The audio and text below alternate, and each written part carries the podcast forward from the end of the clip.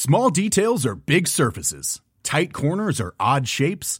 Flat, rounded, textured, or tall. Whatever your next project, there's a spray paint pattern that's just right. Because Rust new Custom Spray 5 in 1 gives you control with five different spray patterns. So you can tackle nooks, crannies, edges, and curves without worrying about drips, runs, uneven coverage, or anything else. Custom Spray 5 in 1.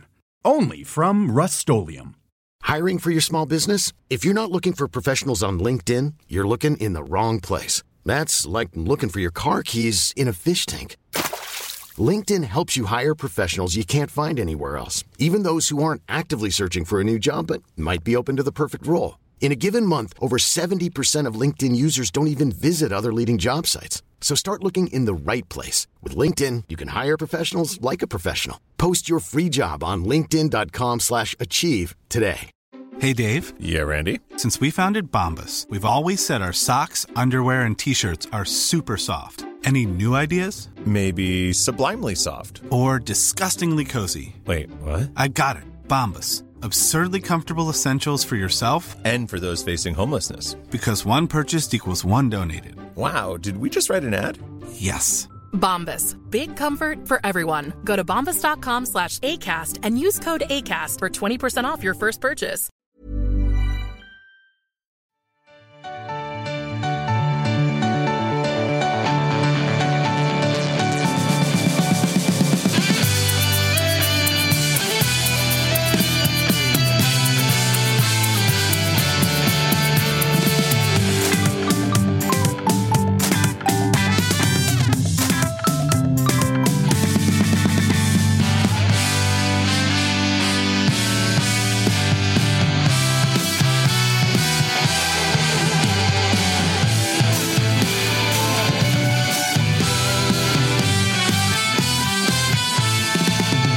Tuttosvenskan kommer med ännu en söndagsintervju. Det har blivit dags för IFK Göteborg och då är det såklart jag, Mark Stapper. Det är inte så givet, men med mig i alla fall BB Jocke Hanes. Ja, det hade varit konstigt annars va? Ja, ja det hade varit Sen märkligt. August Spångberg här istället. Ja, det, det känns som att jag och Spångberg hade inte blivit lika trevligt och varmt välkomnade som man blir om man kommer med dig hit. Du Ja. fick i och för sig ganska mycket skit för att ni hade pratat om att de åt hamburgare. Ja, och det var ju egentligen eh, min poddkollega Patrik Lindberg som hade gjort. Men jag kände att jag får äga henne och säga till er. Nu käkar ni fan med nyttigt här uppe gubbar. Så ni ser lite mer ut som Robert Lewandowski i kropparna va? Mm. Då, det här är ju lite nugget att eh, Sebastian Olsson hävdar att han har bättre kroppsfettprocent än Lewandowski. Det, det synar jag lite. To be continued på den eller? Ja, men mycket trevlig stämning här och mycket, mycket trevlig trupp tyckte jag.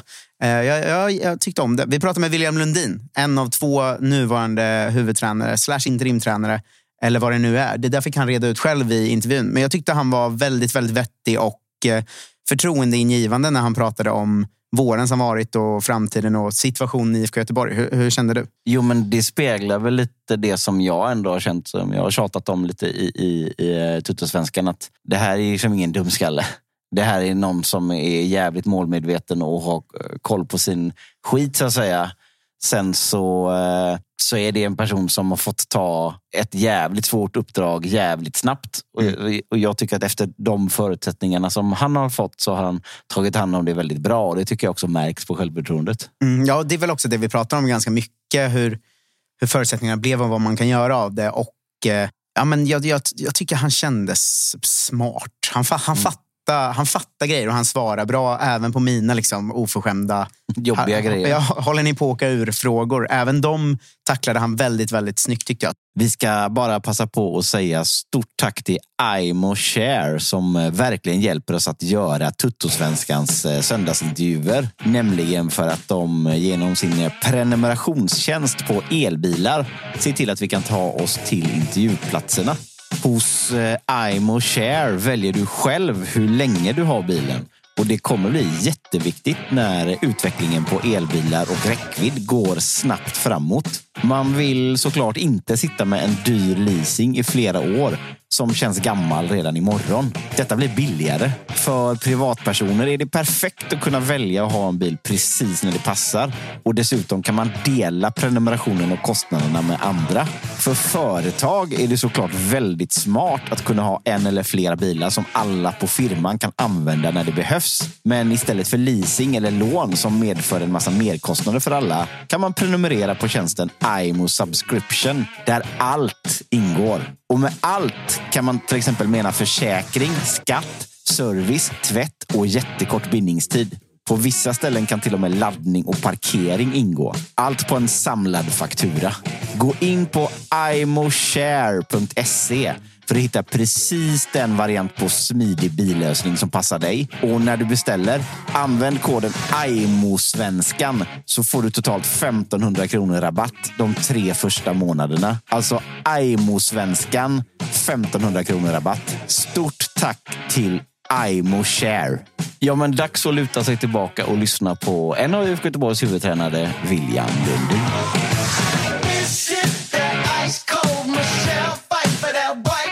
Tuttosvenskan fortsätter att på söndagar rulla land och rike runt. Eller Tuttosvenskan och Tuttosvenskan, det är mycket jag, Marcus Tapper, som gör det. Marcus Tappers underbara resa genom Sverige. Jag tror att vi borde haft med någon som liksom filmar, för jag har ju varit på alla träningsanläggningar i hela allsvenskan nu tror jag. Eh, snart, två kvar eller något sånt. Och det är ju helt underbart. Jag har tagit mig till Göteborg och då har jag tagit med mig BB-Jocke såklart. Hej. Hej. Eh, det, det ska ju ändå vara någon från klubbhåll med. Men här när vi ska intervjua göteborgare måste också jag vara med så att det inte bara blir BB-podd. Det, det är ju... Det har vi hört nu till leda. Ja, men exakt. Vi kanske klara med BB-podd. Vi sitter här med William Lundin. Hej. Tjena.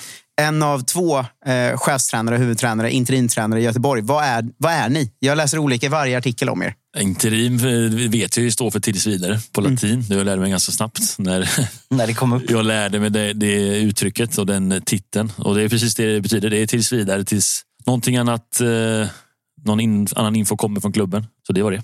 Varje gång som jag skriver ditt namn i olika konversationer nu inför, inför den här intervjun så, så tänker jag istället på artisten Will I Am. För han skriver ju sitt smeknamn Will I, för ett, ett fem plus eh, konvertering av sitt eget namn till artistnamn. Mm.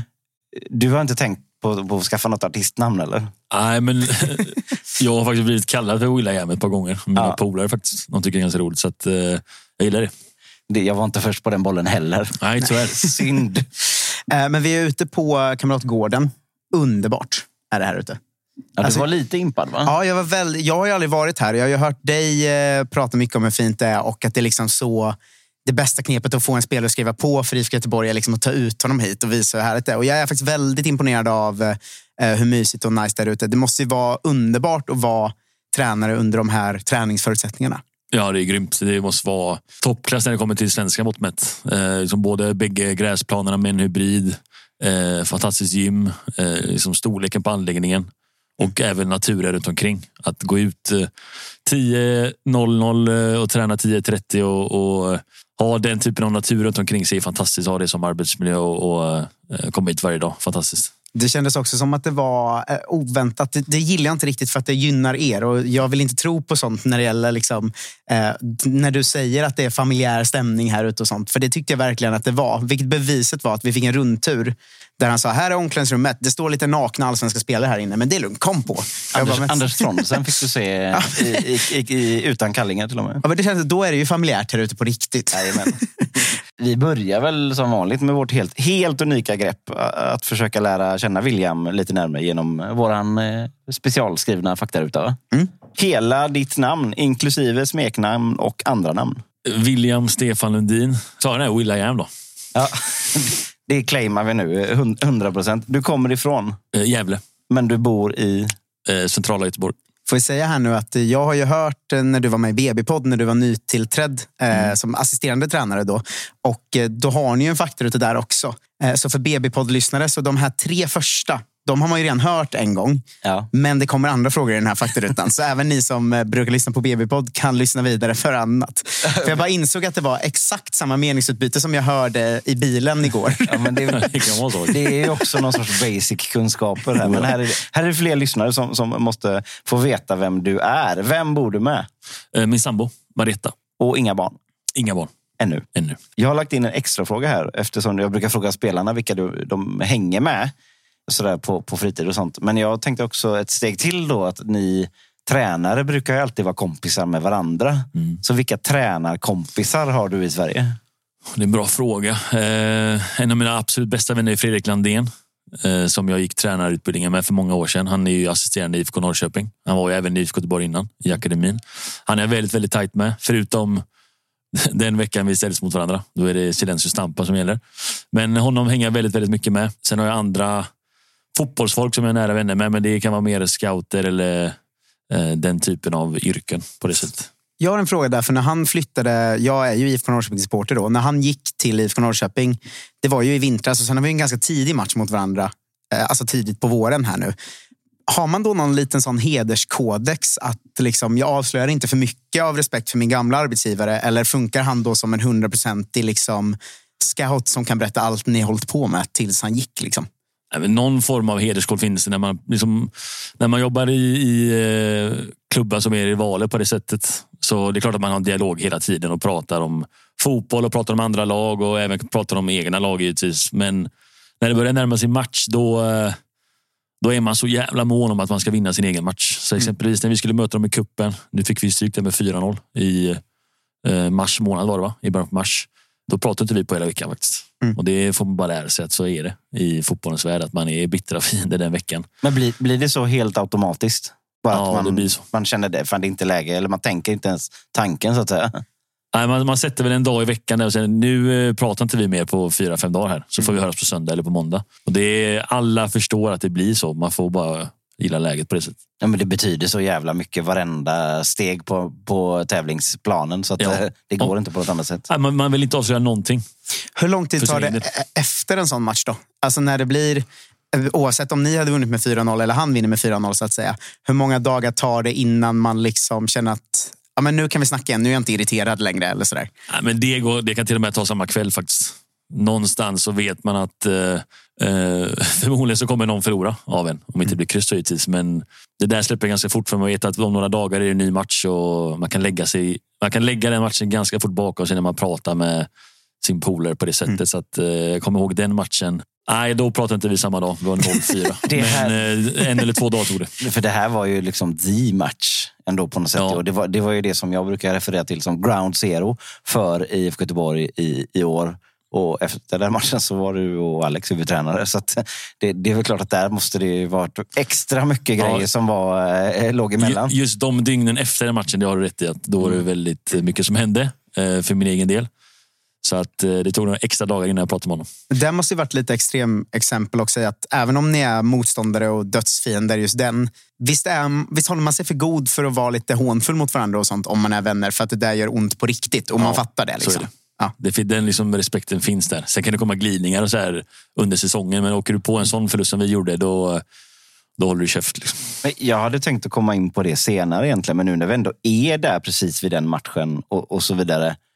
Hur gick det till när du fick det här jobbet? Alltså efter matchen och då började det ju bubblas lite om att, att, att Mikael skulle sluta. Och Eh, sen så kallar kallade Håkan upp dig och Alex på ett möte eller var ni, var ni varsitt möte? Eller hur, fan går sånt till?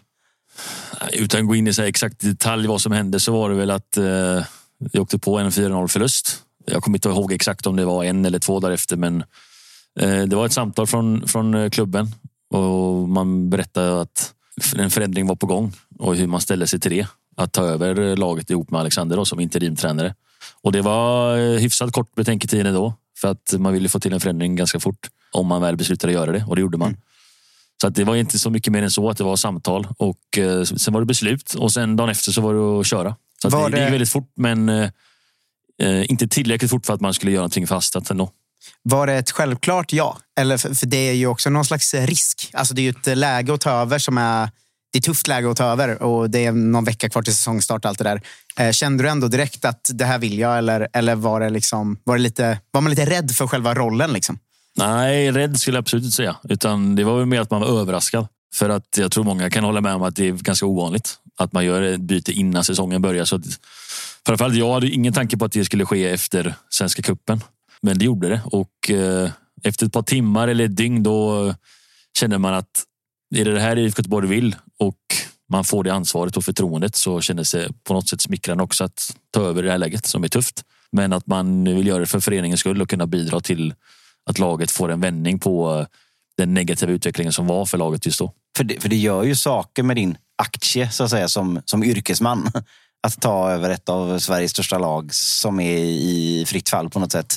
Eh, innan, innan så har du ändå varit som en av de up and coming tränarna i, i, eh, i Sverige med, med Trollhättan och så sen en, en roll som assisterande här. Sen så tar allting plötsligt ett, ett jävla kliv åt flera håll samtidigt på något sätt.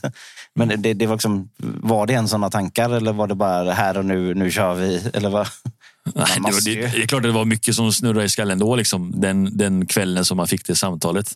Men på något sätt är man ändå en yrkesman, brukar jag säga. Att man är så mån om att göra ett bra jobb och är fokuserad på det. Så man eh, på gott eller ont kanske inte tänker exakt på alla konsekvenser. Hur blir det om det kommer gå så här över en lång period? Det hade inte jag i min skalle. utan Det enda som jag hade i min, min tanke var att försöka förbättra laget omgående.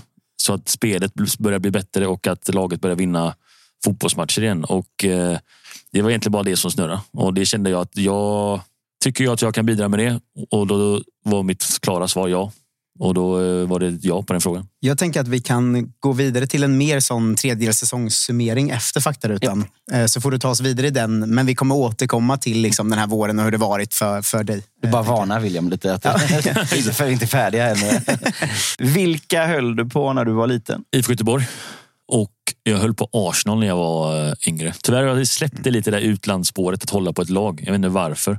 Jag får den frågan ganska ofta. Vilket lag håller du på utomlands? Men jag har ingen riktig, ingen, ingen, ingen klubb som jag brinner extra för. Men IFK Göteborg har jag hållit på sedan jag var liten. Jag tror det är många allsvenska supportrar som kan känna igen sig i det. Att det, den här grejen, när man var liten så ville man se på allt men så smalade det av mer och mer och fejdade bort. Mm. Så. Man skulle säga att eh, det också finns en eh, farsa som varit tränare i IFK Göteborg. Att eh, det finns ju också en sån ingång så folk inte tänker att ah, han säger att han håller på Göteborg för att han är tränare där nu. Nej, men men du har ju vuxit upp jag har spelat i klubben i ja, åtta exakt. år.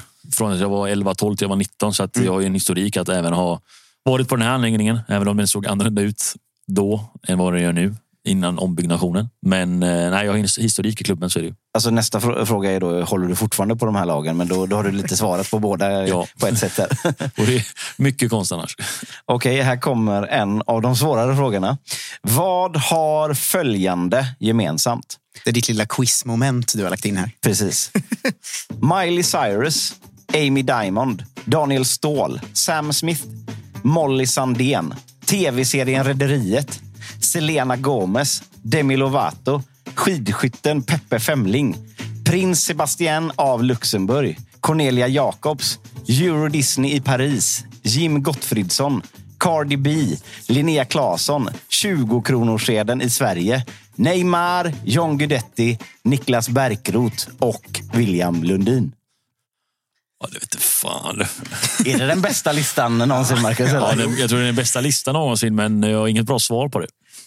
Alla här är precis som du, födda 1992. Just, den, borde, den borde jag tagit faktiskt. Vi måste ju stanna till där lite. För att det är ju, jag har ju precis börjat landa i det här att eh, spelare kan vara yngre eller lika gamla som jag är. Eh, alltså det tog ju lite tid att landa i den insikten, för det gjorde ju ont varje gång. Hur, gam, hur gammal är du? Två år yngre än dig. Det var, jag skulle landa i att nu kan tydligen tränare vara typ lika gamla som, som jag är också. Eh, och det, ju, det, var ju mycket snack om det. Att det är väl allsvenskans yngsta tränare genom tiderna. Eh, svårt att hitta den infon, men det var någon som skrev det någonstans någon gång. Och hur är det att steppa på så, så pass ung? Du har ändå haft en tränarkarriär i ganska många år, ska man säga. Men... Ja, jag brukar alltid säga det. Att jag är inne på mitt tionde år. Eh, sen är det klart att det blir en annan kontext, annan storlek, annan press när man jobbar i IFK Göteborg. Men jag började som 21-åring. Jag jobbade med yngre killar och tog snabbt klivet upp till juniorer. Liksom 17, 18, 19-åringar. Och då var jag bara 22, 23 år. Så redan då var det en ganska liten, liten skillnad med, mellan spelarna och mig. Den största skillnaden var väl när jag gick till seniorfotbollen när jag var 25 år. Då var det division 1 och division 2. Klart det var tufft i början, men jag lärde mig ganska snabbt att det handlar om, det handlar om respekt och kunskap. Det får man från spelarna om de känner att det finns en kunskap hos tränaren och mm. att de blir bemötta av respekt. Kan säga till när det är dags att säga till, men också lägga armen runt när det är dags. Och det tror jag spelarna prioriterar före än att det är bara 50-plussare som är eh, tränare. Jag har faktiskt en fråga också från, från någon du känner här på det ämnet. Så vi, vi kan väl bara fortsätta med den och besvara på hans fråga som du redan börjat med. Tjena, Gustav Svensson här. Du William, eh, du är 30 år. Eh, hur känns det att vara tränare för någon som är mycket äldre än dig själv? Är du 30 år? Du har inte fyllt 31? Jag fyller 31 i september.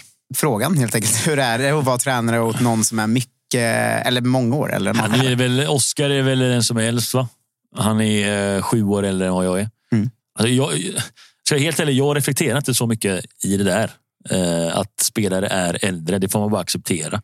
Mm. Jag är lite inne på det svaret jag tog tidigare. Att man visar respekt för spelarna oavsett vilken ålder de har. De vill bli behandlade med respekt. Alla vill det. Framförallt Mm. spelare i allsvenskan vill bli behandlade med respekt. Och får man det så upplever jag att ålder spelar inte någon stor roll. Det är klart att när det blir en clinch mellan en ung tränare och etablerade spelare. Det är klart att ålderskortet kan komma då. Mm. Att man ser på tränaren att eh, han har ingen erfarenhet eller eh, han är bara så pass gammal. Han har inte varit med så länge i gamet. Det är klart att det kan komma.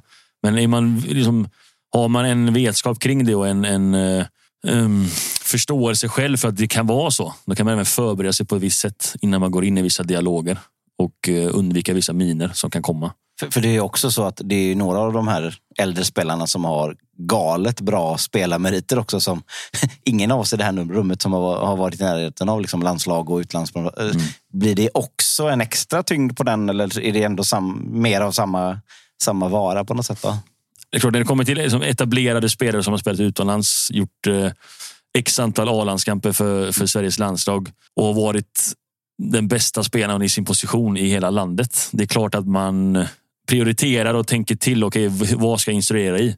Ska jag instruera Gustav Svenssons sätt att eh, springa hem och döda en kontring? Nej, han kan nog det väldigt, väldigt mycket bättre än vad jag kan. Men det finns vissa saker i tränarskapet som man inte lägger några fingrar emellan på. Alltså disciplin, beteende, spela för laget. Där är vi ganska skoningslösa, både jag och Alexander. Men kommer det till eh, Marcus Bergs avslutsteknik, hur han ska köra in den i bortre, det kan inte jag heller göra. Så, så man får liksom välja sina områden som man ska coacha. Och eh, det tycker jag hittar ganska tidigt i min tränarkarriär att eh, välja ut rätt saker. Det som jag tänkte på som min följdfråga på Gustavs fråga, mm. det var ju att jag vet till exempel Oskar Wendt debuterade ju ändå hyfsat ung och sådär. Alltså, och du var Göteborgssupporter. Du måste ändå stått som ett barn och sett honom spela som supporter i oh ja. princip. Oh ja. Det måste ändå vara en lite speciell situation att nu vara hans tränare ändå på något sätt. Alltså, om jag tänker i mitt huvud är det ju som att jag skulle bli tränare för Totte Nyman. Liksom. Också, alltså, också en cool situation. ja, ja, ja, men verkligen speciellt måste det vara. Alltså, risk för att låta tråkig där. Alltså, jag förstår hur du menar och hur du mm. tänker. Och Det kanske är det glasklara sättet att se på det. Men jag, jag har faktiskt inte reflekterat på det sättet. Eh, att det skulle vara något coolt. Jag, jag ser tyvärr inte det. Häftigt utifrån givetvis. Och, och, Jag såg de spelarna. Jag var i klubben också när de slog igenom. Eh, spelade i akademin då och sett att de sprang ut på Garnulliv och, och presterade riktigt bra. Men nu är så pass, jag känner mig så pass trygg och erfaren i yrket så att jag, jag kör och eh, det är historia. Om nu ser till att hur ska jag få ut det bästa av exempelvis Oskar för det här laget så vi kan vinna matcher. Det är det enda som är i mitt huvud. Alltså. Laga mat eller hämta mat? Jag gillar faktiskt bägge två. Eh, jag skulle inte säga att jag är någon fantastisk kock, men jag, jag gillar att grilla. Det är perfekt eh, liksom, väder för det nu och årstid. Så att, eh, jag gillar att laga mat, men jag är inte sen för att hämta käk heller. Så om du skulle bjuda oss på, på käk här nu i eftermiddag kväll, vad skulle du slänga på grillen? Då, då, då blir det fläskfilé, majskolvar, eh, padrones, eh, potatis i ugn, bearnaisesås, eh, en kall öl kanske mm. och så gött kött. Jag vet ju att ni gillar hamburgare här på Kamratgården också. Ja, jag hörde att jag har fått kritik där, Henke och Tommy, för att de serverade. Men det var väldigt nyttiga hamburgare om man kan säga så. Du, du kan Mycket grönsaker och sallad vid sidan och grovt bröd och allt möjligt. Du kan verifiera att den var, att den var fem plus. Eh, fem plus, nutrition, extremt nyttig. Nutritionsmässigt så att säga. Vad har du i garaget? Eh, jag sålde jag har sålt bilar tidigare. Jag har ingen bil nu, jag har körkort. Men när jag skrev på för Trollhättan för fem sex år sedan så bodde jag väldigt nära centralstation. Så jag tågpendlade upp fram och tillbaka. Skrev på för IFK Göteborg och kände att eh, jag klarar mig bra utan bil faktiskt. Så körkort men ingen bil. Vilken app på luren använder du mest? Oj, jag tror det är Whatsapp.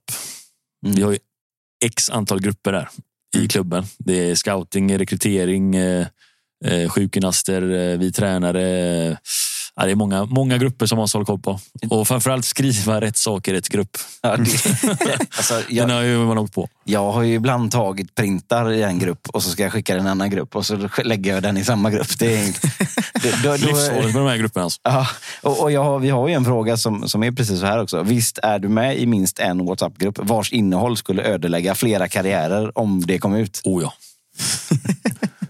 Din egen bland annat. ja, eller? kanske. Tjänar du över eller under den allsvenska snittlönen som är på cirka 100k i månaden? Eh, under. Om du bara fick lyssna på en låt resten av ditt liv, vilken skulle du ta då? Det är en bra fråga. du. Jag brukar ställa den här frågan till folk faktiskt. Ja. Men jag är dålig på att svara själv. Men, eh, Jag har en regel här att man får inte svara någon form av klubbhymn Nej, eller sådär. nej, nej, det får inte svara det något som med IFK Göteborg eh, exakt. Jag tar den eh, mot slutet av intervjun. Det är okej. Vilket lag vill du helst slå? AIK. Vad är det märkligaste som har hänt under en match? Det var med Stenungsund 2017. Vi mötte Vänersborg på Nösensvallen och eh, det hade gått 35-40 minuter in på matchen. Det var mulet ute. Eh, inget oväder på något sätt egentligen. Men helt plötsligt så bara smäller det och blixten slår ner mitt på plan. Oj. Och eh, jag tror det är 10-12 spelare som bara faller handlöst i marken. Och eh, eh, tre blir träffade av blixten.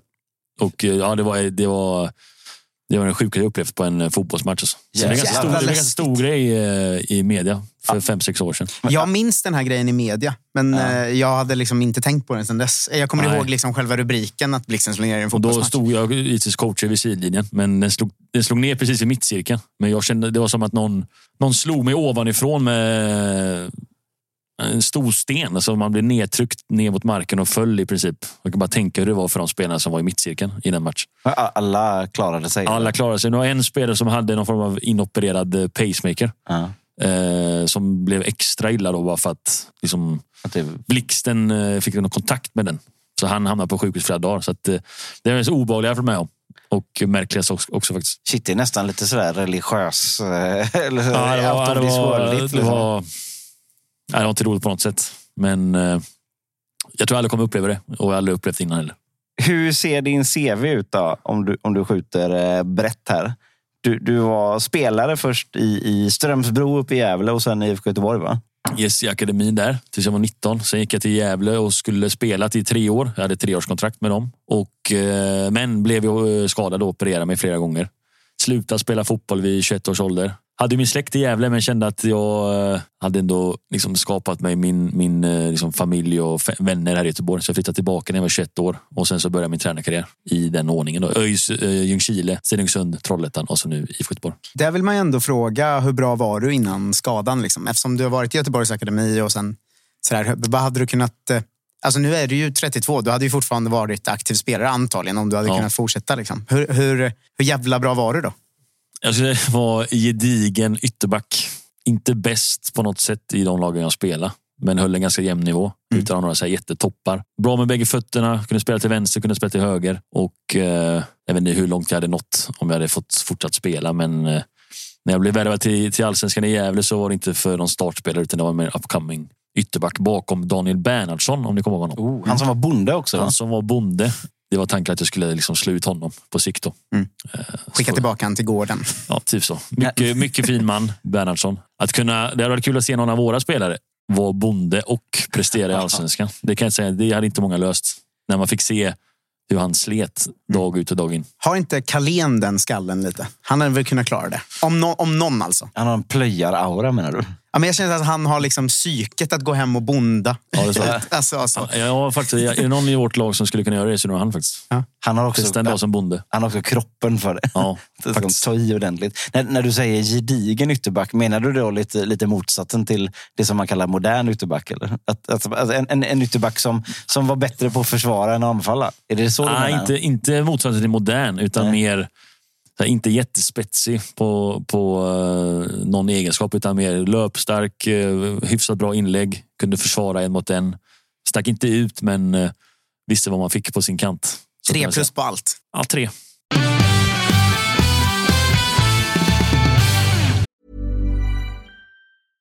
Ryan Reynolds here from Mint Mobile. With the price of just about everything going up during inflation, we thought we'd bring our prices down. So to help us, we brought in a reverse auctioneer, which is apparently a thing. Mint Mobile unlimited premium wireless. Ready to get 30, 30, bit to get 30, bit to get 20, 20, 20, bit to get 20, 20, bit to get 15, 15, 15, 15 just 15 bucks a month. So, Give it a try at mintmobile.com slash switch. $45 upfront for three months plus taxes and fees. Promo rate for new customers for limited time. Unlimited more than 40 gigabytes per month. Slows. Full terms at mintmobile.com. There's never been a faster or easier way to start your weight loss journey than with PlushCare. PlushCare accepts most insurance plans and gives you online access to board-certified physicians who can prescribe FDA-approved weight loss medications like Wigovi and Zepbound for those who qualify.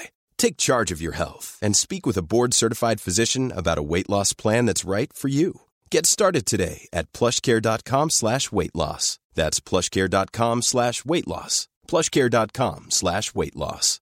Hey, Dave. Yeah, Randy. Since we founded Bombus, we've always said our socks, underwear, and t shirts are super soft. Any new ideas? Maybe sublimely soft. Or disgustingly cozy? Wait, what? I got it. Bombus. Absurdly comfortable essentials for yourself And for those facing homelessness. because one purchased equals one donated. Wow, did we just write an ad? Yes. Bombas. Big comfort for everyone. Go to bombas.com slash ACAST and use code ACAST for 20% off your first purchase. Totosvenskan är sponsrade av Simor. Det är vi oerhört glada med. Nu är ju den svenska bollen äntligen igång. Ni ser Discovery Plus sändningar från både allsvenskan och superettan med ert simor abonnemang Så in och skaffa det så missar ni ingenting. Och när det inte är allsvensk fotboll som rullar eller fotboll från superettan som rullar så finns ju även Serie A, La Liga och för all del även Champions League. Och har man ett simor abonnemang så behöver man inte bara titta på massa fotboll. Där finns ju Robinson som är ute och tuffar. Det finns en färsk Beck-film. Det finns jättemycket serier. Det finns precis alla jävla filmer ifrån Beck också, vilket många där ute älskar. Jag är såklart en utav dessa. Så att in och skaffa er ett simor abonnemang Vi från Toto-svenskan säger stort tack till just Simor. Då är vi klara med faktarutan och vi ska skjuta in en, en till lyssnarfråga. För det är väl klart att han också kommer att lyssna på det här. Den har jag fått av någon som heter Alexander Tengryd. Som är din tränarkollega då, för de som inte hängde med på den. Tjänare, fråga om han ska byta kläder till nästa match eftersom han har kört samma kläder sex matcher i rad. Och frågan även om han tvättar sina kläder mellan matcherna. Ja, nu får vi väl avslöja det här då, när den frågan kom på tal. Jag, jag skulle inte säga att jag är vidskeplig på det sättet, men när det kommer till kläder på match. Vi hade ingen bra resultatrad i början. Så efter den fjärde omgången så kände jag att jag måste byta på något sätt. Och då ville jag köra helt svart. Och sen så fick vi resultat och vann mot Degerfors efter det. Och sen så kände jag att svart känns bra. Så fortsatte med det. Och så hade vi inte förlorat på fem matcher var det va? Inför Häcken. Och körde svart i alla de fem. Men nu åkte vi på en förlust. Så att eh, jag har inte riktigt bestämt mig hur det blir inför, eh, inför nästa match. Men ja, de tvättas eh, emellan. Alexander. Vi, vi, kan, vi kan ju säga då till lyssnarna att det här spelas ju in före matchen mot Mjällby. Så att om ni har sett William i någon sorts helvit eh, klädsel i, i den En matchen så, så, vet, så har, vi, har ni koll på vad som hände. Jag, tänker på den här gamla Kent-konserten när de, när de alla skulle komma i vita kläder. Nej, jag vet inte. Men eh, det, det, man har ju då facit när man hör det. Då kan man gå in och titta vad hade han på sig. Det är ju intressant. Eller? Ja, det är också fint om du har dykt upp i samma svarta klädsel och ni har vunnit mot Mjällby när det här släpps. Ja, Eh, alltså för då, då bästa vet man att det bara var, det var inte klädernas fel, det var bara Rygårds. Exakt. Nej, jag, tror, jag tror många tränare har någon form av eh, eh, liksom saker de hittar på när det kommer till att göra samma sak eller byta, byta vanor. Det får inte gå till överstyr. Jag vet några som har det alldeles för hårt, men eh, eh, jag försöker hålla det på en bra nivå. Hur vidskepliga är spelarna? Ganska mycket tror jag. Vi Är det ser, någon- alltså, man, man, följer ju spelarna inför match. Man ser vilka som är sist kvar inför eh, avspark, eh, vilka är sist ut i paus. Hur, liksom, vad gör de precis innan? Hur lägger de upp sin eh, förberedelse när de Mm. kommer till handla? Alltså, det där ser man ganska tydligt. Så. Men sen så om de har saker utanför det, det vet jag inte, men det, jag tror det. Är det någon här i laget som har något riktigt lustigt på gång i omklädningsrummet innan match? Nej, jag tror inte de, de, de är nog inte så extrema. Jag vet ju, det finns ju en story med Christer Mattiasson som tränar Sirius som jag går i provutbildningen med just nu. Han spelar ju det var i Elfsborg tror jag. Han hade ju alltid en papperskorg han skulle slå till. Mm. Innan de gick ut och skulle spela matcherna. Så var det några som gömde den här papperskorgen inför match. Just det, för att han sprang- inte skulle göra mål. Han sprang runt och letade den här. Så hittade han inte den för han hade gömt den så bra så var han oduglig i den här matchen. Så det blir ju... Alltså funkade det? Det funkar ju givetvis. Så det är där man måste ha kontroll på sina grejer. Så gör man inte, om man inte gör det man alltid gör, frågan är då hur mycket påverkar det? Och Mm. påverkar det för mycket så då är du illa ut. Ja, men de jobbar väl ofta med så här, ta på sig strumporna i en Ja, viss exakt. ordning och, och sådana grejer. Va? Och det har man ju kontroll över. Ja. Men skulle det vara såna här grejer med papperskorgar och sånt och det kommer ut, då blir det som Christer. Ja. Han gick omkring och bar på den här papperskorgen resten av karriären. Sen. Eh, Jag tror faktiskt att det är så att eh, den... Jag, om jag inte minns fel så var det någon djurgårdare som snodde den, eller något Stockholmslag i alla fall. Och att de faktiskt, efter, när han gick dit sen, för han hamnade ju i både AIK och Djurgården sen, så det Just kan ha varit någon av dem. Jag kommer inte ihåg vilken av dem, tyvärr. De gillar inte när man blandar ihop dem så mycket. Nej.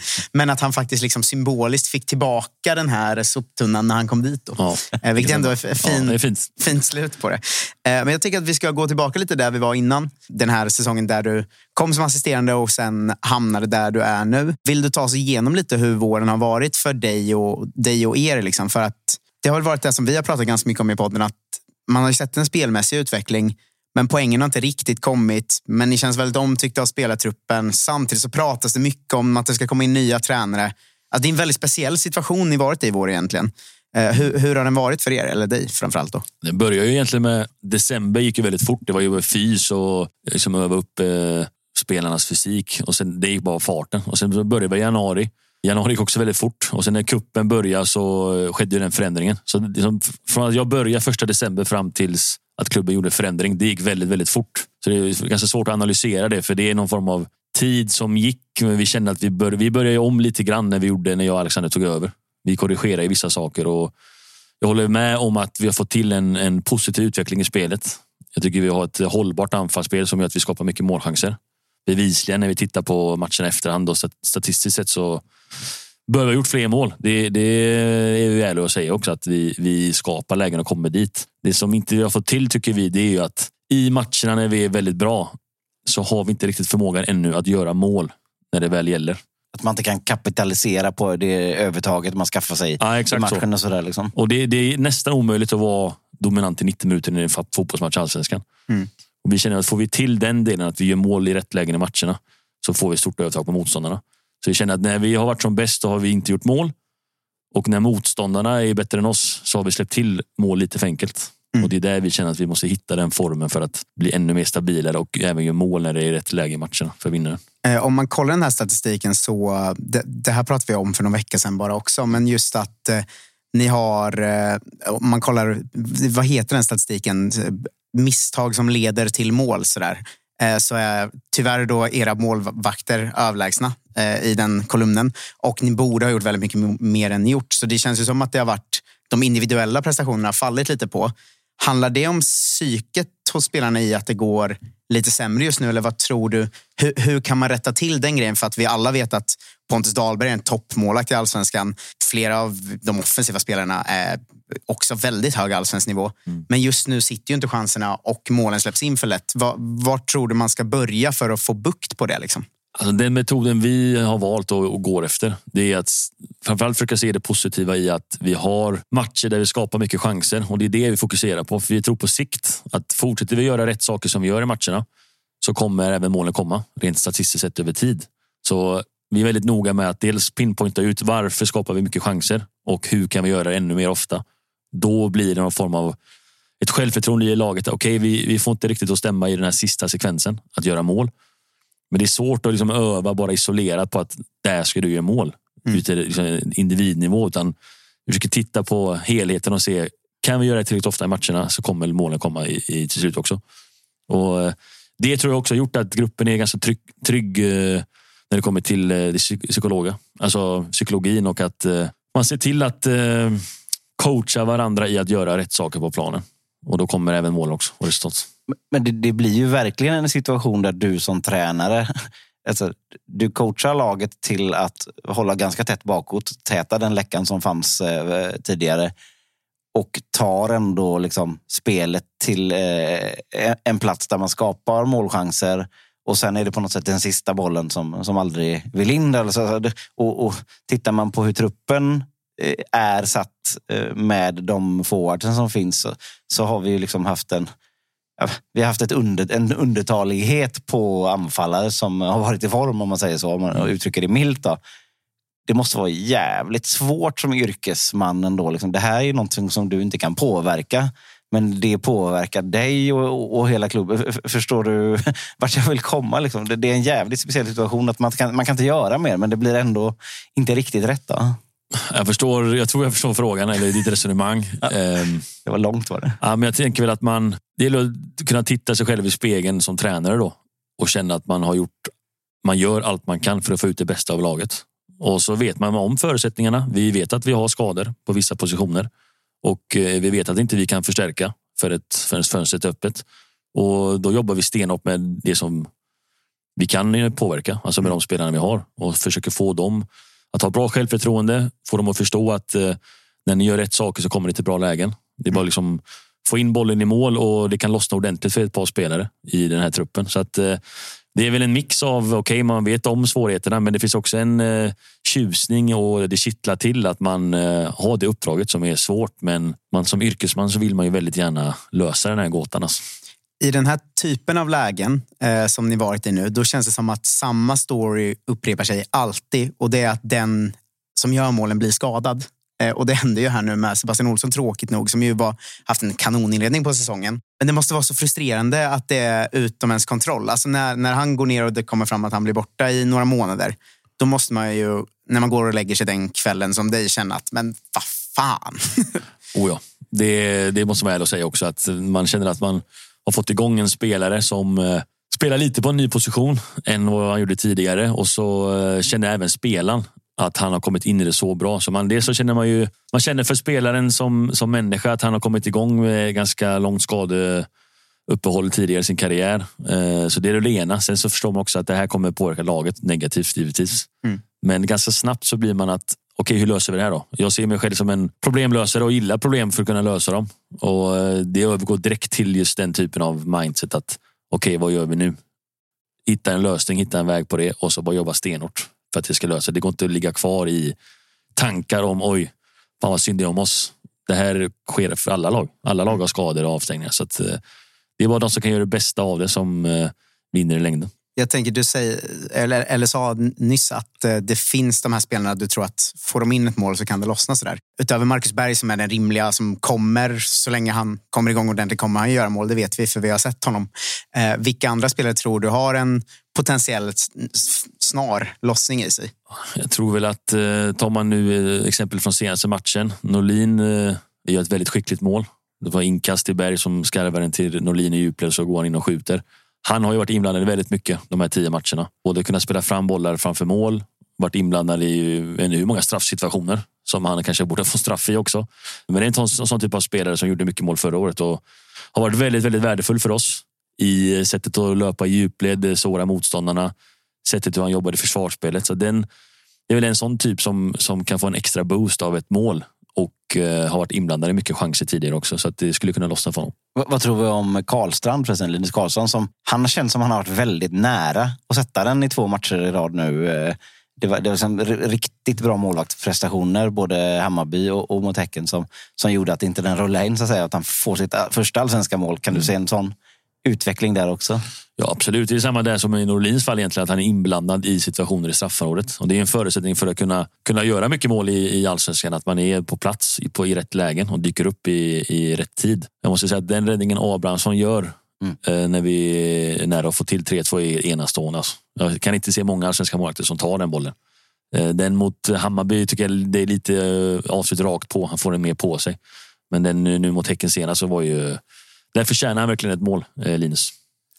Jag vill ändå fråga om, för nu har det sagts ett år snart att snart är han redo. Kommer Sulle vara redo för att spela hela matcher? Eh, någonstans. Vi pratar om eh, Suleiman på topp där. För att nu gör han 20 sist där. Men det har gått lång tid nu och det känns som att eh, han blir liksom aldrig klar. Nej, vi jobbar ju givetvis eh, med honom dagligen. Både ur taktiskt perspektiv och fysiskt perspektiv. Jag jobbar upp hans eh, fysik. Sen har han haft en problematik med skador tidigare. Så att, eh, att det går upp och ner i den utvecklingen. Är inte så konstigt. Men det man kan säga med honom är att han, han kör hårt och eh, ambitionen är att givetvis att få upp hans fysik ännu mer så att han kan klara längre delar av eh, matcherna. Nu gjorde han ett inhopp på 20 minuter, såg pigg ut och eh, kommer till en bra läge in i straffområdet när han löper i djupled och skjuter med vänstern. Får ingen riktig träff på den bollen, men det är den typen av aktion vi vill se oftare och eh, över längre tid i en match. Men du känner ändå att det, det har blivit mer och mer minuter, fler och fler i varje match. Kommer det sluta med att han eh, kan spela en hel match i år? Alltså om du bara kollar på de fysiska värdena och sådär. Det är svårt att säga vad som kommer ske längre fram på säsongen. Ja, men om, om du bara du fortsätter i tangentens riktning. Nej, det är klart att en viktig del är att klara av fysiskt och spela 90 minuter. Och det jobbar vi med att få upp den. Sen har jag haft lite bakslag tidigare. Eh, där det har gått fram och tillbaka i hur mycket han har kunnat vara med på, på fotbollsträningen. Vilket är nyckeln för att kunna öva upp sin fysik. Det är att regelbundet vara med på alla fotbollspass. Eh, och när man är det, då har man ju också eller förutsättningar för att kunna spela 90 minuter. Eh, jag tänker att vi ska backa igen tillbaka lite till våren. Eh, för nu hamnar vi mycket på individuella spelare och sånt. Så du ska vi inte bara sitta och prata om dem hela timmen här. Men ni, när ni tar över där.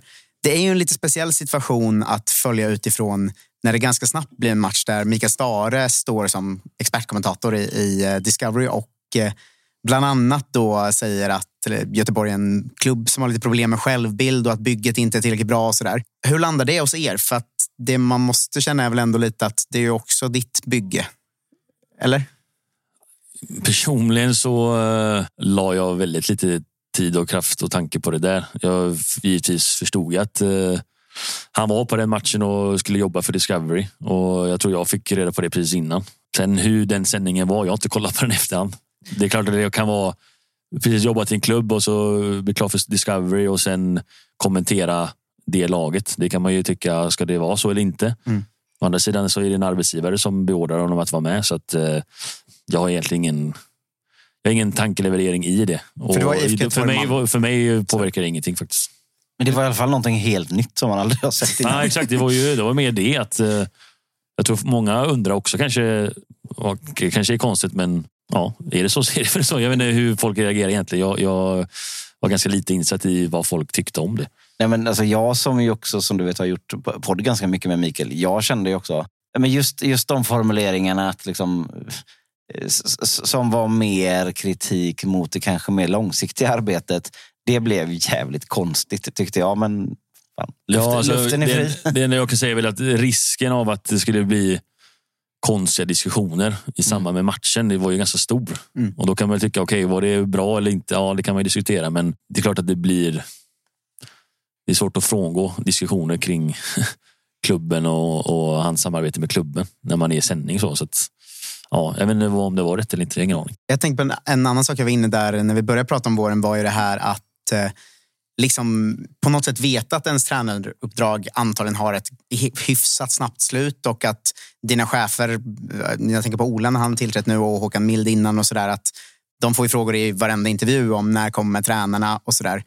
Hur är den arbetssituationen för er egentligen? För att det är ju ni som är tränare här och nu, men att så mycket snacka kring när, när ni ska ersättas och vilka eller vem det ska vara eller sådär. Hur, hur ser man på den arbetssituationen? Ja, för min del så har inte det påverkat i hur jag jobbar på daglig basis egentligen. Hur jag eller vi jobbar med spelarna, hur vi förbereder laget, hur vi tränar. Det, det har varit samma egentligen oavsett om de har liksom sagt någon form av tidsram. Och de var ganska tydliga i början att när vi vet någonting och när vi har bestämt då kommer ni vara de första som får reda på det. Mm.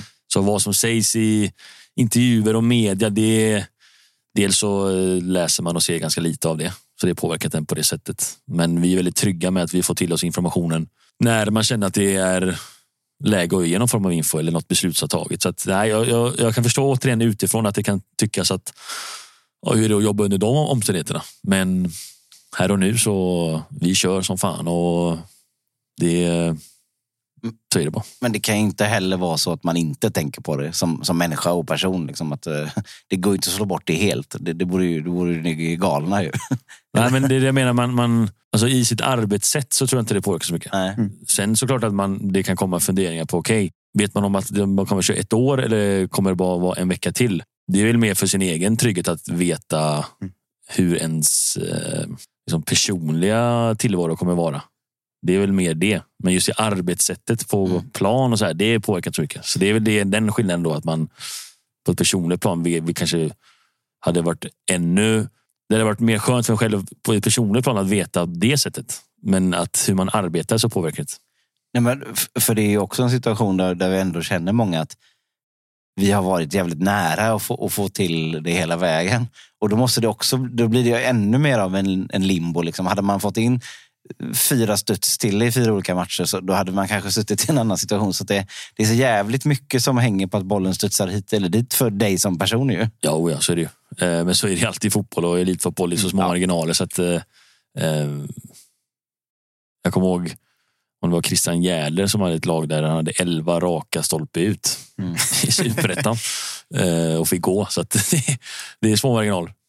Jag tänker, växt tanken? Alltså, det måste det väl ändå göra att så här, gör vi det bara tillräckligt bra så kommer det vara permanent. Liksom. Jag tror väl generellt att, eh, som det handlar om i elitfotboll, att får man resultat i, i fotbollsmatcher så klart att det ökar chansen att eh, antingen få ett eh, jobb eller bli huvudtränare. Det är klart att det blir så. Men det är samma sak egentligen som jag sa tidigare, att man framförallt nu när det är så kort tid kvar till sommarbreaket, att vi är så fokuserade på att ta så mycket poäng som det bara går i de här två matcherna som är kvar innan vi går på eh, sommarbreak på en vecka. Det är liksom det enda fokuset och sen när de är spelade och vi kommer tillbaka från eh, ledigheten där som vi har i sex sju dagar. Då får man sätta sig och titta. Okej, hur ser det ut nu fram till hösten? Inte att vi förväntar oss något form av svar, men eh, det blir en dialog och diskussion. Okej, hur attackerar vi hösten här nu utifrån vad som har varit tidigare? Ja, Men ska man vara krass så är det väl nu eller inte man byter tränare i ett allsvenskt lag om man inte verkligen måste. Så, så att det, det, är väl, det är väl här någonstans som, som det hänger antar jag. Jag tror det är, det är en fråga för klubben givetvis, men eh, generellt sett i en klubb så eh, finns det ett break om man ska göra någon form av förändring. Så det är klart att det är den bästa tiden att göra. Sen kanske inte det går ändå utifrån andra parametrar eller andra saker som man inte kan styra över. Men i den bästa av världar, om man gör en förändring så, så är kanske det bästa att göra på sommaren. Hur resonerar du då som person och yrkesman och, och liksom hela din situation? Om, om vi leker med tanken här nu då, eh, rent hypotetiskt, att det kommer in, eh, här är en ny eh, person som ska träna klubben. Har du fått så pass mycket smak på att vara huvudtränare nu så att du inte skulle vilja vara kvar i, i, under någon annan och, och, och gå tillbaka till någon sorts andra fiol? Eller känner du att fan, jag, jag vill vara kvar och jobba i IFK Göteborg? För, för, förstår du frågan? Det är, det är inte helt givet va? Nej, men jag, jag kom in som assisterande tränare. Det var den liksom rollen jag skrev på för in, in, innan jag kom i december. Så min ingång har varit att vara assisterande över 2023. Och jag har alltid sagt att om det kommer in någon som ska vara huvudtränare och jag återgår till assisterande så är jag extremt redo att göra det och stötta den personen. För det är också den ingången jag hade i eh, jobbet när jag kom. Så att eh, stötta den personen och vara en så bra medarbetare som möjligt för den nya personen. Det är ju det prio ett då givetvis. Eh, skulle det inte ske det, utan vi kör vidare, då är jag också fullt redo att axla det ansvaret ihop med Alexander eh, året ut. Och, och oavsett så har du fått en erfarenhet som du inte förväntade dig när du skrev på här i... i Ja, i den är ju, den är ju ovärderlig, eh, givetvis. Eh, sen handlar det om att för mitt, egen, mitt eget bästa att bara samla på mig erfarenhet, utan det handlar om att vi ska vinna matcher. Det är ju prio ett. Men ett sidospår är givetvis att man samlar på sig erfarenhet som är värdefull över lång tid. Ja, men det är ju, det är ju klubben och så är det du personligen. Ja, och, och de måste ju gå hand i hand om Exakt. det ska kunna fungera. Exakt. Eh, Jag tänker på just det med eh, vinna matcher, för det- har jag en fråga om här. Eh, Att just det här, det, det har sett bättre ut, det har tyvärr bara blivit en vinst. Just nu är poängläget så att Göteborg ligger på en kvalplats. Har man hamnat i ett sånt här läge för att vi har sett större klubbar som inte var beredda på att vara i den här situationen var det många gånger. Vi- Mitt IFK Norrköping förra säsongen, AIK 2020, AIK i år för all del. Eh, Men att man inte riktigt varit beredd på att hamna i en potentiell kval och bottenstrid men har råkat hamna där för att saker har studsat snett. Liksom. Har ni hamnat i det läget man brukar prata om då att nu är det lite snart skitsamma hur det ser ut. Vi ska vinna matcher, vi ska grisa om det behövs och vi kan spela hur fult som helst. Hur snabbt hamnar man i det läget? För att jag tycker ganska ofta efter 20 omgångar att det då är någon tränare som går ut och säger att nu handlar det bara om att klara sig kvar. Det är skitsamma allting så startar vi om i vinter. Har ni, börjar man tassa åt det läget redan nu? För att det, det är en tredjedel spelat och det är bara vad är det, sju, åtta poäng insamlat. Liksom. Jag tror så här, hade man känt att det inte finns en spelmodell som man tror på eller att man ser liksom ingenting i spelet. Att det, ingenting funkar. Ju. Vårt försvarsspel är svagt och skapar inga chanser och spelarna vet inte vad de ska göra. Då tror jag det är mycket enklare att säga ah, men det är skitsamma, nu får vi bara... Det får vara så mycket cynism i vårt sätt att spela så att det får se ut hur som helst och så får vi börja toppa in på det sättet. Nu upplever ju vi att, och vi upplever det ganska starkt, att vi tycker att vi har ett spelsätt som borde tendera till att vi börjar vinna fotbollsmatcher. Rent, man kan titta på fotbollsögat hur det ser ut, men också rent statistiskt sett så skapar vi väldigt mycket chanser. Det tror jag är enklare att fortsätta göra det vi håller på med och tro på det. Eh, jag förstår frågan i den här bryt, brytpunkten. Hur långt ska man liksom se det på det sättet? Men vi, vi, vi upplever att vi är så enade och tror på det vi gör nu. Att det kommer göra att vi vinner.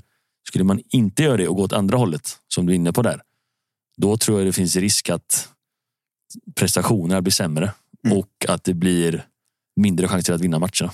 Nej, men har, vi, har vi ärligt talat spelare och, och, och, och sådär till att spela ett sånt spel? Eller är det, det vi, den vägen vi är på nu, är den kanske en rakare väg mot poängen? Ja, vi tror ju det. Vi är väldigt övertygade om att det är så. Att eh, liksom det sättet som vi spelar på nu, vårt eh, försvarsspel och anfallsspel, är inte perfekt på något sätt, bevisligen. För då hade vi vunnit matcherna. Men att vi är på väg mot det hållet. Att över tid få in poäng som, som leder till att vi klättrar i tabellen. Det- Jag tänker ofta på det där också att hur många omgångar in kan man prata om att vi borde ta i poäng och hur statistiken ser ut och sådär också. Just eftersom jag också har, eller alla supportrar har varit i liknande situationer med sina lag så, så är det ju, man hamnar ju här ibland. Men om det är så efter 18 omgångar att det fortfarande ska ligga femma enligt XG men ligger på 14 plats så att säga. Eller finns det någon sån, när måste det övergå till att bli på liv och död? Liksom? Ja, är- det är ju nu, alltså, det är från omgång ett på liv och död för oss. Och vi tar, liksom, vi tar det på fullaste allvar och vi vet om vilken situation vi befinner oss i. Men, men eh, just det här med att eh, liksom, hur många matcher måste det gå så resonerar inte riktigt vi. Utan det är viktigt att påpeka att efter varje match, även om vi pratar om att vi har gjort bra prestationer, så är vi väldigt ärliga internt och tittar efter varje match oavsett hur matchen har gått resultatmässigt. Vad behöver vi göra bättre? Det gjorde vi även eh, efter Degerfors 6-0. Då hade vi också vissa saker Så det här är inte tillräckligt bra. Vi måste bli ännu bättre på det här för att vi ska vinna eh, flera matcher i rad och ta de poängen vi vill. Så att, eh, det sker alltid en sån typ av analys efter varje match. Och ingenting liksom eh, sopas under mattan oavsett hur eh, matchen går. Egentligen. Vilken lättnad den mat- matchen måste varit. Jag ville ändå fråga om den. För man såg, jag såg den via tv, då, alltså matchen mot Degerfors. Jag, det, liksom, det kändes som att när jag såg er som tränarduo, jag har nästan aldrig sett två så lättade människor. Det, var- känns som det var så mycket som lossnade där. Ja, det var ju, vi kom ju, det var ju den, match, den veckan vi hade tre matcher. Och vi kom från Norrköping där vi tyckte att vi skulle ha vunnit den matchen. Skulle ni? Vi, vi upplevde att Norrköping hade väldigt lite... De var i princip inte inne i vårt straffområdet på, på hela matchen. Men, men vi var bra i den matchen och kände att vi hade gärna velat vinna den. Och så slår vi Degerfors med 6-0 och då kände jag också att okej, nu är vi på gång ordentligt här. Tyvärr så fick vi inte riktigt den boosten inför nästa match mot eh, BP var det va? Vi åkte upp och spelade 0-0, men det är klart att den matchen påvisar väl någonstans att eh, spelet leder till att vi skapar mycket chanser. Och vi fick ju maximal utdelning i den eh, matchen. Men vi tycker att de chanserna vi skapar mot Degerfors, de chanserna har vi även skapat i de andra matcherna. Eller till och med ännu mer. Och liksom högkvalitativa målchanser. Så att, eh, det, det, det var en viktig match. Inte bara poängen, utan det påvisar att eh, vårt spel eh, kommer leda till vinster om vi fortsätter tro och jobba hårt. En grej som kändes viktig i den matchen utifrån, det var att Hagen fick göra mycket poäng. Alltså att det kändes som att det poängmässigt lossnade lite där. Sen har det inte riktigt fortsatt så att han gör inte fyra per match, liksom, vilket ju är rimligt på många sätt. Men hur mycket av en nyckel är han för att ja, men vända säsongen? Nej, men som, som du är inne på där, i den matchen så såg vi ju det som vi vill att han ska göra i, i eh, sin roll. Lite mer framskjuten roll eh, bakom eh, våran forward. Där han kan dels vara med och få bollen rättvänd och kunna sätta en annan spelare i djupled. Men också så upplever vi att han har en väldigt styrka att löpa in i straffområdet när bollen kommer in från sidan. Och det, visar, det visar han inte bara mot Degerfors utan även andra matcher där han är väldigt duktig och löpsare kunna ta sig in i straffområdet när bollen kommer in från sidan. Och därav skapa mycket som poäng och, och mål och assist. Så att, eh, vi tror mycket i, i, på honom i den rollen. Jag tänker på en annan där på mittfältet som eh, Eh, Jag har kivats med Jockes kollega Patrik lite om där att eh, jag eh, tyckte att det var galenskap att värva Kalén för att spela honom som mittback eftersom jag tycker han är en helt underbar mittfältare. Eh, Nu har ni bytt plats och han är uppe där igen. Var det också lite av en nyckel för att jag tycker han har varit väldigt, väldigt bra centralt? Jag håller med dig. Jag tycker att han, jag tycker han blir bättre och bättre för varje match egentligen. Defensivt så är han ju duellstark och vinner mycket närkamper och vinner bollar och sätter de andra i bra situationer efter vi har vunnit bollen. Men jag tycker han har blivit ännu bättre för varje match som går i hans offensiva spel. Att han blir mer trygg att ligga bakom deras forwards. Vända upp med bollen i tajta lägen. Värdera om man ska slå diagonala crossbollar eller om man ska spela bollen in bakom backlinjen eller spela korta passningar. Så han, eh, han har imponerat på mig väldigt mycket. Är det lite samma med den nakna mannen, alltså Anders Trondsen i duschen? Eh, Han, han är ju värvad som vänsterback men har gjort jävligt bra ifrån sig som innermittfältare nu eh, senaste. Kommer vi se honom på innermittfältet eh, troligtvis Det, är ju, det har varit lite kopplat kring vilka är tillgängliga. Som sagt, ni är inne på det tidigare, att jag på lite skador på vissa positioner. Abbe har varit borta över en längre period och, eh, Sebastian var också borta en del eh, tidigare, Eriksson. Och eh, han har ju spelat många matcher centralt på mitten och klarar av det bevisligen väldigt bra. Så fördelen med honom är att han kan spela både vänsterback och centralt mittfält så får vi se vilken position han kommer spela mest på eller konkurrera mest på. Ej är givet alltså. Ej givet. Jag tänker att vi ska hinna med några eh, korta sista saker innan vi släpper dig. Och, eh, nästa blir ju den sista liksom, spelarfrågan. Då. Eh, Ola Larsson, teknisk direktör, eh, var med oss Olof Lund eh, häromdagen och berättade att det kommer förstärkas i sommar. Han, han var ju också med i BB-podd innan Olof Lund och sa Ja. typ, typ samma sak. typ samma sak. Eh, men eh, den har jag faktiskt inte lyssnat på ändå. Så jag ska lyssna på den också. Men eh, om du får säga det ur din tränarsynpunkt. Hur många spelare behöver tillkomma så att säga? Pratar vi liksom en nyckel som ska in och förändra allt eller behövs det komma in fyra spelare till den här truppen? Nu tänker jag både, både spets och bredd. Vad, hur mycket saknas enligt dig?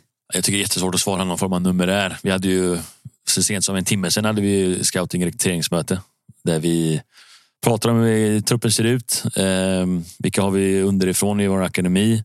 Hur ser statusen ut på de nuvarande spelarna? Hur, hur långt hur lång är frånvaron på de spelarna som är skadade just nu? Allt det är ett pussel som man får lägga ihop och sia om när kan de vara tillbaka och så vidare. Så att det vi är överens om är att vi kommer sträva efter att ta in en spelare. Och sen vilken position det är, det får vi se. Men att det kommer förstärkas, det kommer det till största chans att göra. Eh, vi har sagt det tidigare i en intervju också att det är klart att har man skador som eh, eh skador på Hussein och Sebastian Olsson som har spelat på yttermittfältsposition så är det ju hål där. Eh, och det är där vi också tittar på den positionen. Supportersnacket jag har hört har ju varit mycket eh, högerkant och anfallare. Är det något du också, båda de tror behöver komma inåt på? Ja, vi diskuterar de eh, positionerna, det gör vi. Eh, sen om det blir av, det får vi se. Men eh, en, en offensiv kraft känner vi att vi hade behövt få in på sommaren. En högerytter som också kan spela anfallare, det är Bullseye då?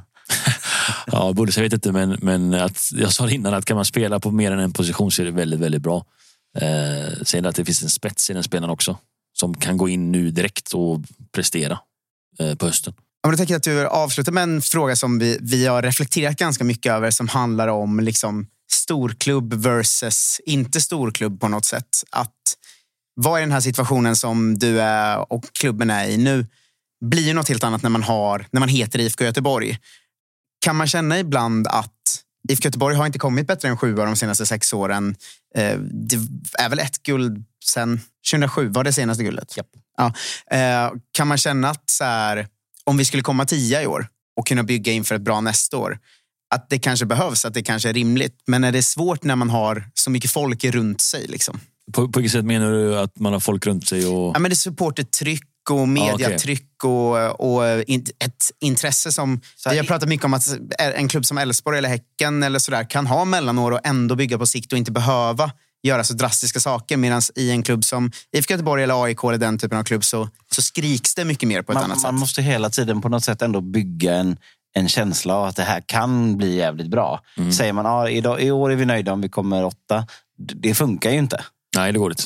Så, att, så att då kan man ju inte heller bygga i, i lugn och ro utan man måste liksom upp och peta. Vi, vi, vi hade faktiskt det här resonemanget eh, innan säsongen började, även med spelarna. Just det här med målsättning, eh, hur ska vi prata utåt kring det?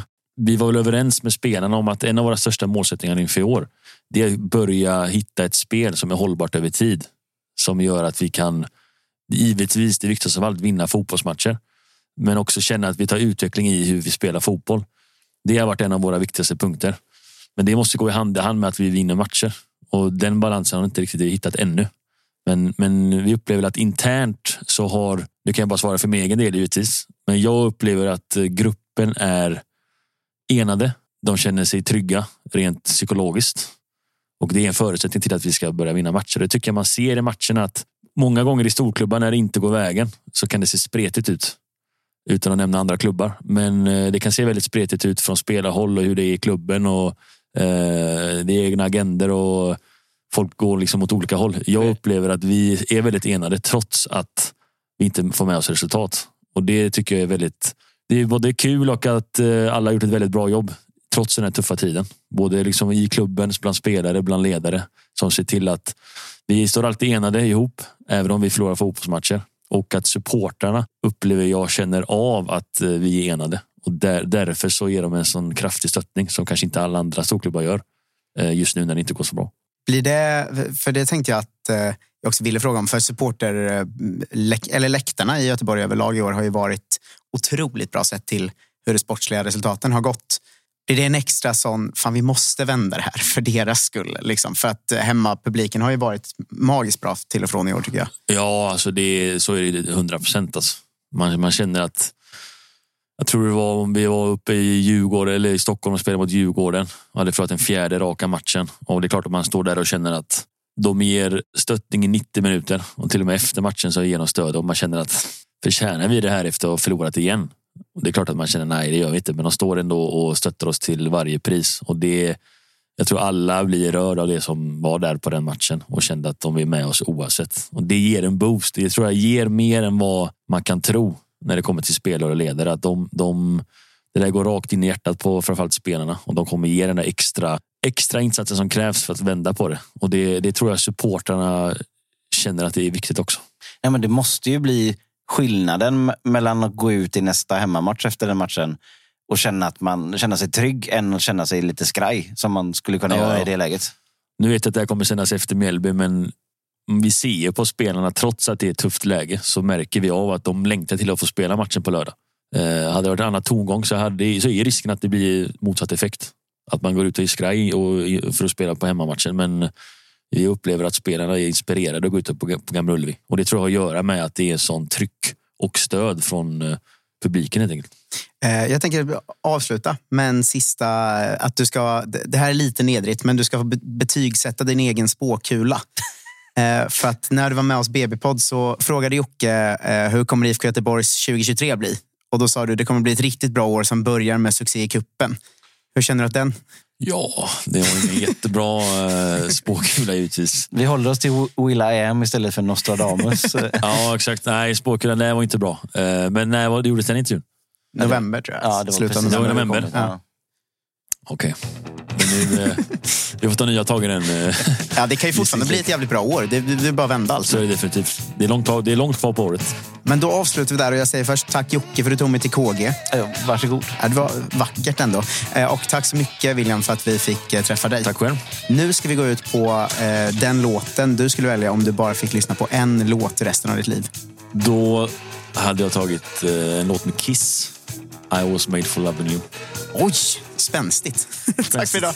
Hej då. Tack, tack. Där har vi I wanna give it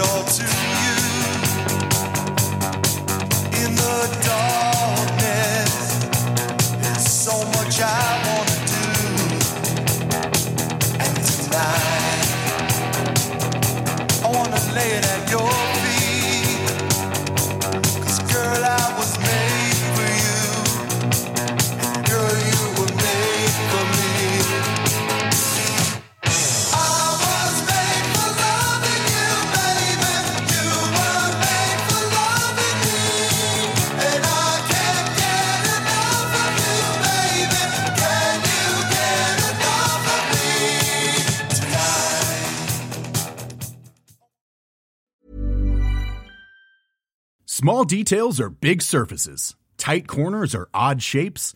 Flat, rounded, textured, or tall.